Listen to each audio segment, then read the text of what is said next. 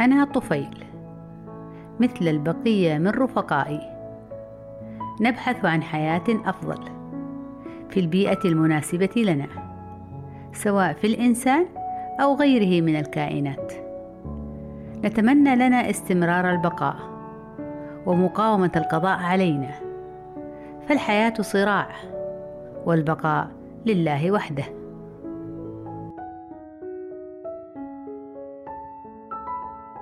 ما أجمل الأوقات التي قضيتها مستمتعا في معدة بعوضة طائرة. بعوضة تعيش جل وقتها محلقة في أجواء الفضاء باحثة على الدوام عن وجبة دم غنية بالمغذيات من أجل صغارها الذين تحملهم في أحشائها وكثيرا ما تنجح في ذلك لكون الإنسان لا يحتاط ضد لدغاتها المزعجة. فهي تتجول حوله صباحا ومساء وهو يأويها للأسف بكل اعتناء.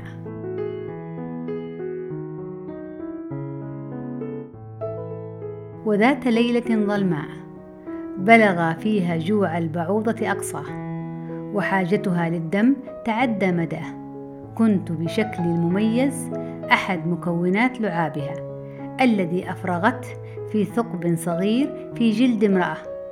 تحلم برؤية جنينها خلال الأيام المقبلة.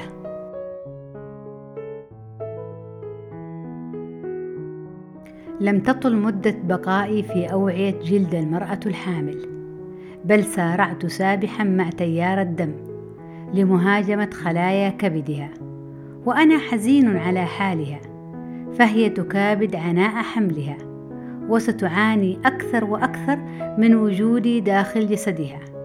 لكنني آمل منها أن تعذرني. فأنا أيضا كائن حي. أحاول بضراوة أن أعيش وأن أحافظ على نسلي. فلتعذريني سيدتي.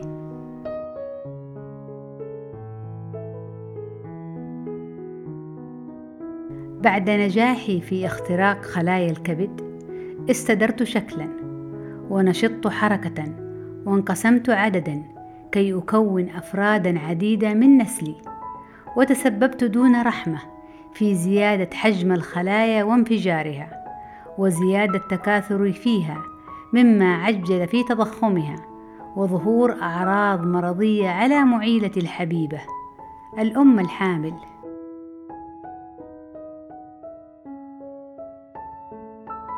كانت تخالج نفسي الرحمة بهذه الأم.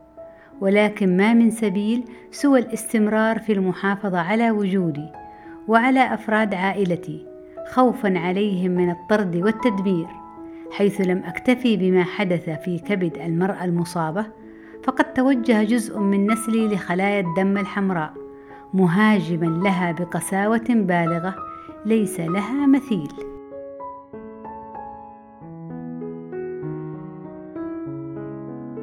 تكسرت خلايا دم الأم وعانت المسكينة من تكرار الحمى جراء انقسامات المتتالية فيها.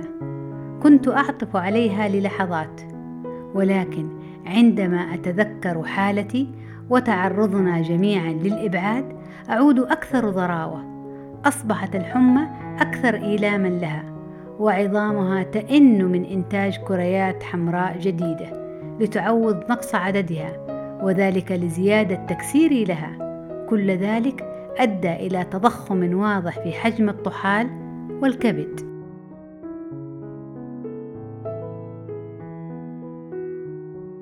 انتابتني نوبة غضب شديدة وحزن عميق عندما علمت الأم بإصابة جنينها عند خروجه للحياة وذلك بسبب عبور بعض أفراد نسلي لحاجز المشيمة وإحداث تشوهات جنينية لطفلها.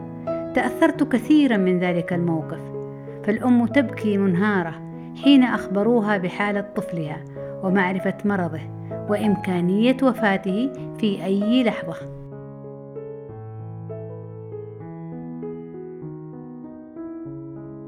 فكما أحب صغاري فإنني أعطف على صغار الآخرين من بني البشر.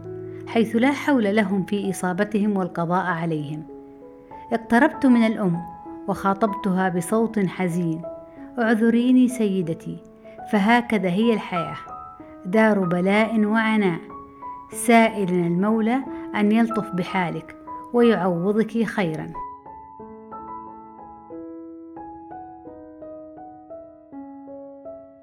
عندما علمت الأم بما أصابها وجنينها أصابتها نوبة هستيرية وأخذت تهذي باكية بما حفظته في مراحلها الدراسية ولسان حالها يردد وزائرتي كأن بها حياء فليست تزورني إلا في الظلام.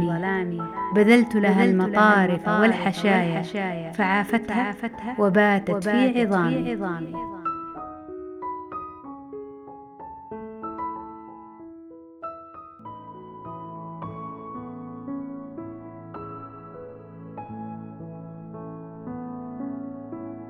سمعتم الحكاية وعرفتم الرواية وكانت النهاية.